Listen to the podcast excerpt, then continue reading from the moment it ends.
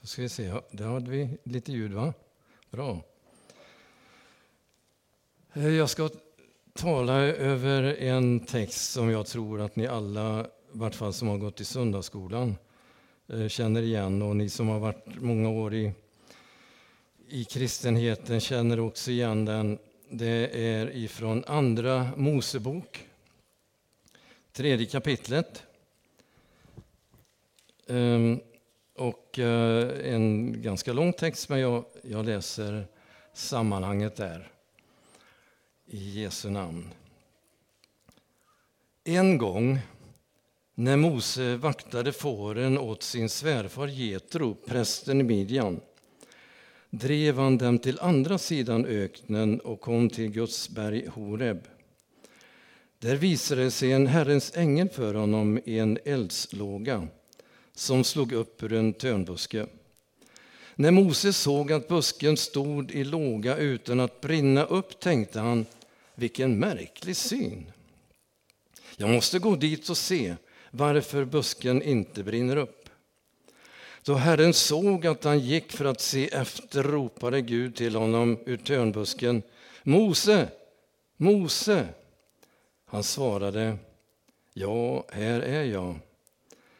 Herren sa, kom inte närmare. Ta av dig skorna, du står på helig mark. Och han fortsatte, jag är din faders Gud, Abrahams Gud, Isaks Gud och Jakobs Gud. Då skylde Mose sitt ansikte. Han vågade inte se på Gud. Herren sa, jag har sett hur mitt folk plågas i Egypten. Jag har hört deras klagorop över sina slavdrivare. Ja, jag vet vad de får lida.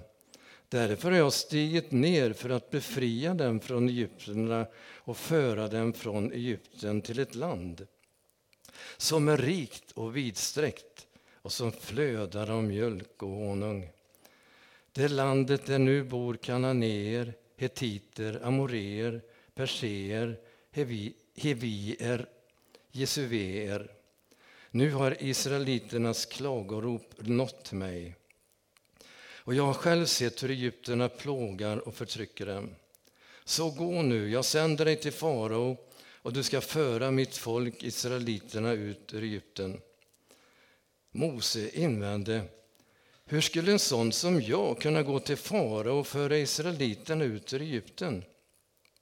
Gud svarade, jag ska vara med dig. Och detta är tecknet som ska visa att det är jag som har sänt dig. När du har fört folket ut ur Egypten ska ni hålla gudstjänst på denna berg. Då sa Mose till Gud, om jag nu kommer till israeliterna och säger att deras fäders Gud har sänt mig till dem och de frågar efter hans namn, vad ska jag då svara? Gud sade, jag är den jag är. Säg dem att han som heter Jag är har sänt dig till dem. Och Gud fortsatte. Säg israeliterna att Herren, deras fäders Gud, Abrahams Gud, Isaks Gud och Jakobs Gud har sänt dig till dem. Detta ska vara mitt namn för all framtid. Med det namnet ska jag åkallas från släkte till släkte. En eh, väldigt dramatisk text kan vi tycka. I vart fall om man hör den för första gången. Och jag vet faktiskt inte hur många gånger jag, jag själv predikat över den här texten men eh, den är lika spännande varje gång och den säger faktiskt lite olika saker också varje gång som jag läser den. En gång, stod det. Det var ju inte vilken gång som helst. Det var, I vart fall så blev det ett unikt möte. Mitt i vardagen, mitt i livet, mitt på en vanlig söndag som den här som vi samlas i gudstjänst idag, så kan Gud möta oss. Mitt i vardagen så vaktade Mose fåren. Han hade varit med om dramatiska händelser innan. Han hade dödat en människa, han hade flytt och han hade fått eh, gifta sig och få en svärfar. Och så kommer de till Guds berg, det heliga berget Horeb. Och där är en Herrens ängel och en eldslåga slår upp ur busken och den brinner utan att brinna upp. Det var en, det var en helig eld. Jag minns första gången jag, jag bad för en sjuk människa med handpåläggning och hur jag kände värmen liksom strålade genom hela kroppen och ut över den där jag bad för. Eh, då var jag uppväxt med, ungefär som vi gjorde i inledningen i gudstjänsten idag, vi bad för dem som inte var här. Att man just skulle be för någon som var närvarande på gudstjänsten, det var något helt nytt för mig i det sammanhanget jag var då. Och den möjligheten kommer du att få här efter gudstjänsten också, eller efter predikan, ska jag säga. Eh, att få handpåläggning och få förbön. Eh, men också hur värmen liksom bara genomströmmar kroppen när man känner riktigt Guds närvaro i sitt hjärta. Herren närmar, eller Mose ska jag säga, närmar sig busken och så får han höra sitt eget namn från busken, den där brinnande busken. Mose, Mose. Och så tänker jag att Jesus vill nämna era namn också när vi närmar oss den Helige. Mose svarar ja, här är jag. Vad svarar du som är här idag? Ja, här är jag till ditt förfogande. Eller gör du som Adam och Eva när de hade ätit av den förbjudna frukten, gömmer dig och vill inte veta av honom. Och så får han höra att kom inte närmare. Ta av dig dina skor, du står på helig mark. Och när jag förberedde den här gudstjänsten så, så såg jag framför mig talarstolen här och där jag står. Och så upptäcker jag också att jag står på en dopgrav. Det är helig mark. Därför tar jag av mig skorna.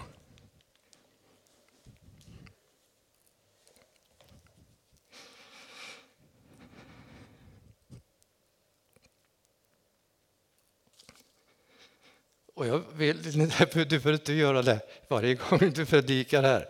Men jag upplever så starkt att det här är verkligen en helig plats.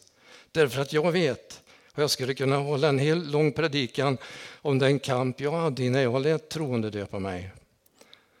Därför att det är många, kanske av er som sitter här, som verkligen fick offra någonting när ni gick dopets väg. Det är en helig plats där, vi, där människor har lämnat sig åt Gud och lämnat sitt gamla liv. Och jag har också följt den här gudstjänsterna med Staxet och Det finns hopp, som det heter den här kampanjen. Och vad jag förstår så är det hundratals som har lämnat sig åt Jesus och som kommer att få bli döpta och få komma in i Guds underbara gemenskap.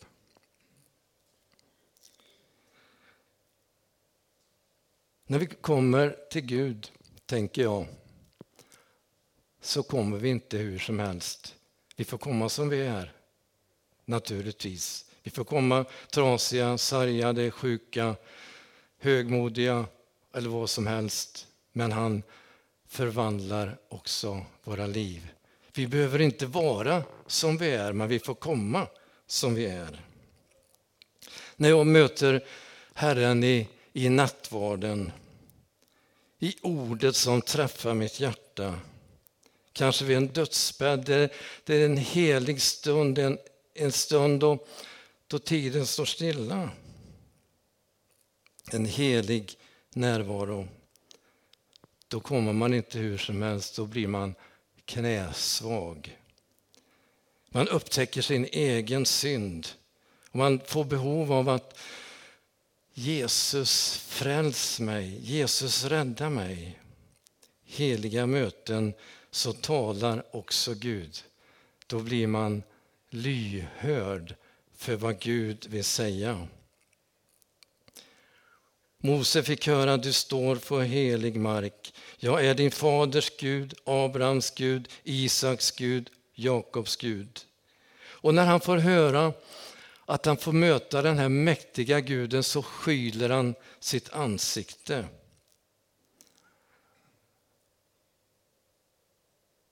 När jag möter Jesus Kristus, den uppstånde, den korsfäste Jesus som sitter på Faderns högra sida. Lite grann som, jag tror vi ska ta med den bilden av när, när Johannes möter Jesus på ön Patmos. Och det är Johannes uppenbarelseboken 1 och eh, 12.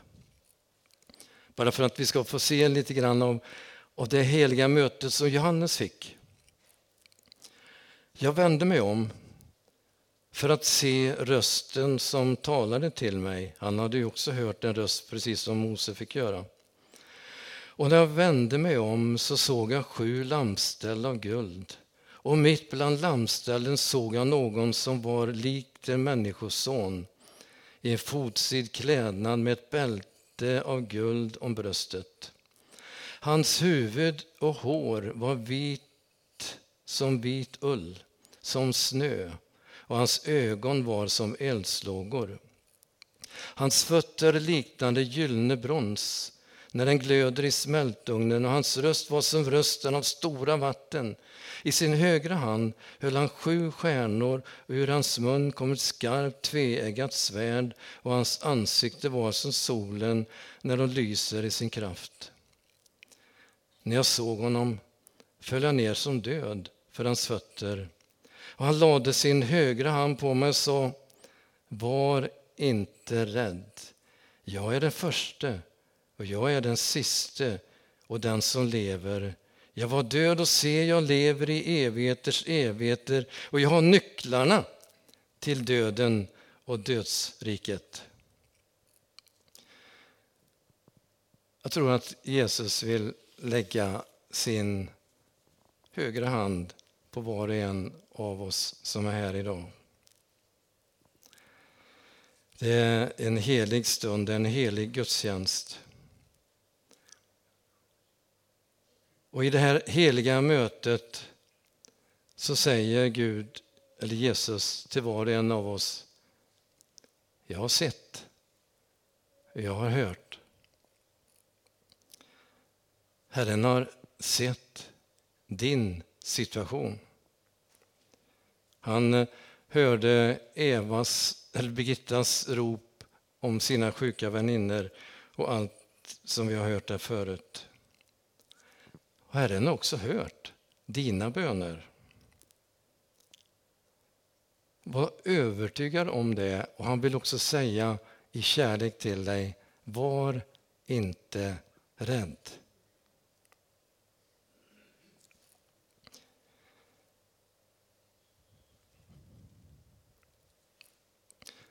Men Herren har också hört alla rop som ropar upp till, her till Herren, eller till någon kanske man säger, hjälp mig, hjälp mig i min situation, i mitt missbruk, i min misär, i min sjukdom, ut över hela vårt land. De judarna idag, Israels folk, som fortfarande blir förföljda, han hör också deras rop, precis som han hörde Israels folks rop när de var fångna i Egypten. Han hör de fångnas rop som är fångna i spelmissbruk, sexmissbruk eller vad det nu kan vara för missbruk. Som människor som, som har blivit fångna i sin egen kropp. Han hör hur vi inte får vara man eller kvinna. Han hör de förföljda kristnas rop. hur Jesu namn inte får nämnas i offentliga sammanhang. Hur barn far illa, hur nysvenskar behandlas, hur människor vänder Gud ryggen. Och här har du och jag en uppgift. Först och främst naturligtvis att vi får ropa ut vår förtvivlan, att vi får ropa ut det som ligger på våra hjärtan och vara vissade om att han hör oss. Men Mose fick också en kallelse. En kallelse som kändes honom övermäktig. Jag tänkte så här att han fick gå till farao, men om Gud skulle säga till mig, nu ska du gå till Stefan Löfven och tala om hur det ser ut i Sverige. Jag vet inte om jag skulle våga. Fast det är klart, säger Herren, så, så skulle jag nog gå. Naturligtvis finns det mycket som är bra och gott och fint i vårt land också. Självklart är det så. Och det finns många människor som verkligen kämpar för, för andras väl och ve. Men hur ska jag kunna? Hur ska jag få kraft? Och så fick han höra, jag är. Den jag är ska vara med dig. Jag är den jag är ska vara med dig. Helig ande ska komma över er och ni ska få kraft att gå ut och vittna om mig.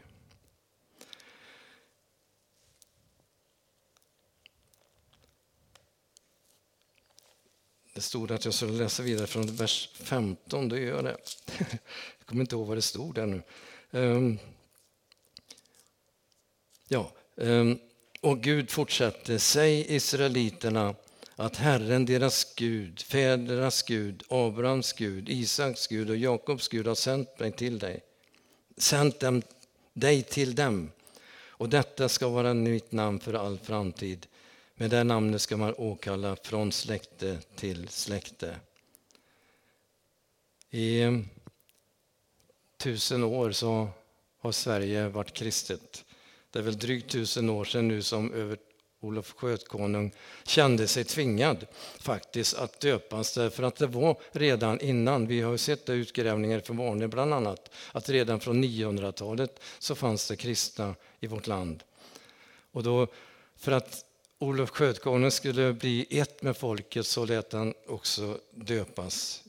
Jag vill också tro att han, att han döpte sig i tro på Jesus Kristus, inte bara för att få folket till lags. Eh, han hade fått, säkert fått undervisning av de engelska biskoparna som döpte honom där. Eh, apostlagärningarna är svårt att gå förbi i en pingstkyrka. Eh, jag predikar gärna förresten över det.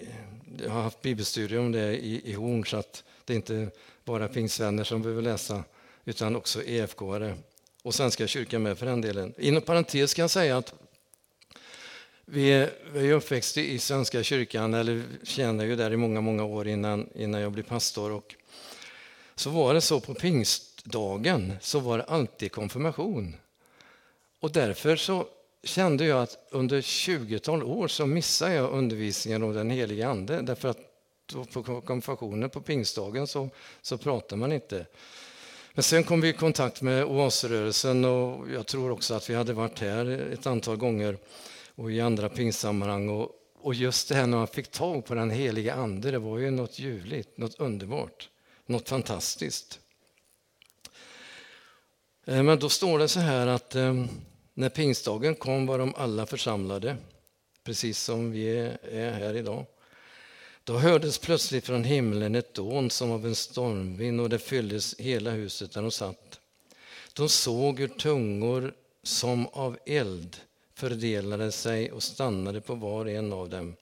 Och alla fylldes av helig ande och började tala andra tungomål med de ord som Herren eller Anden ingav dem.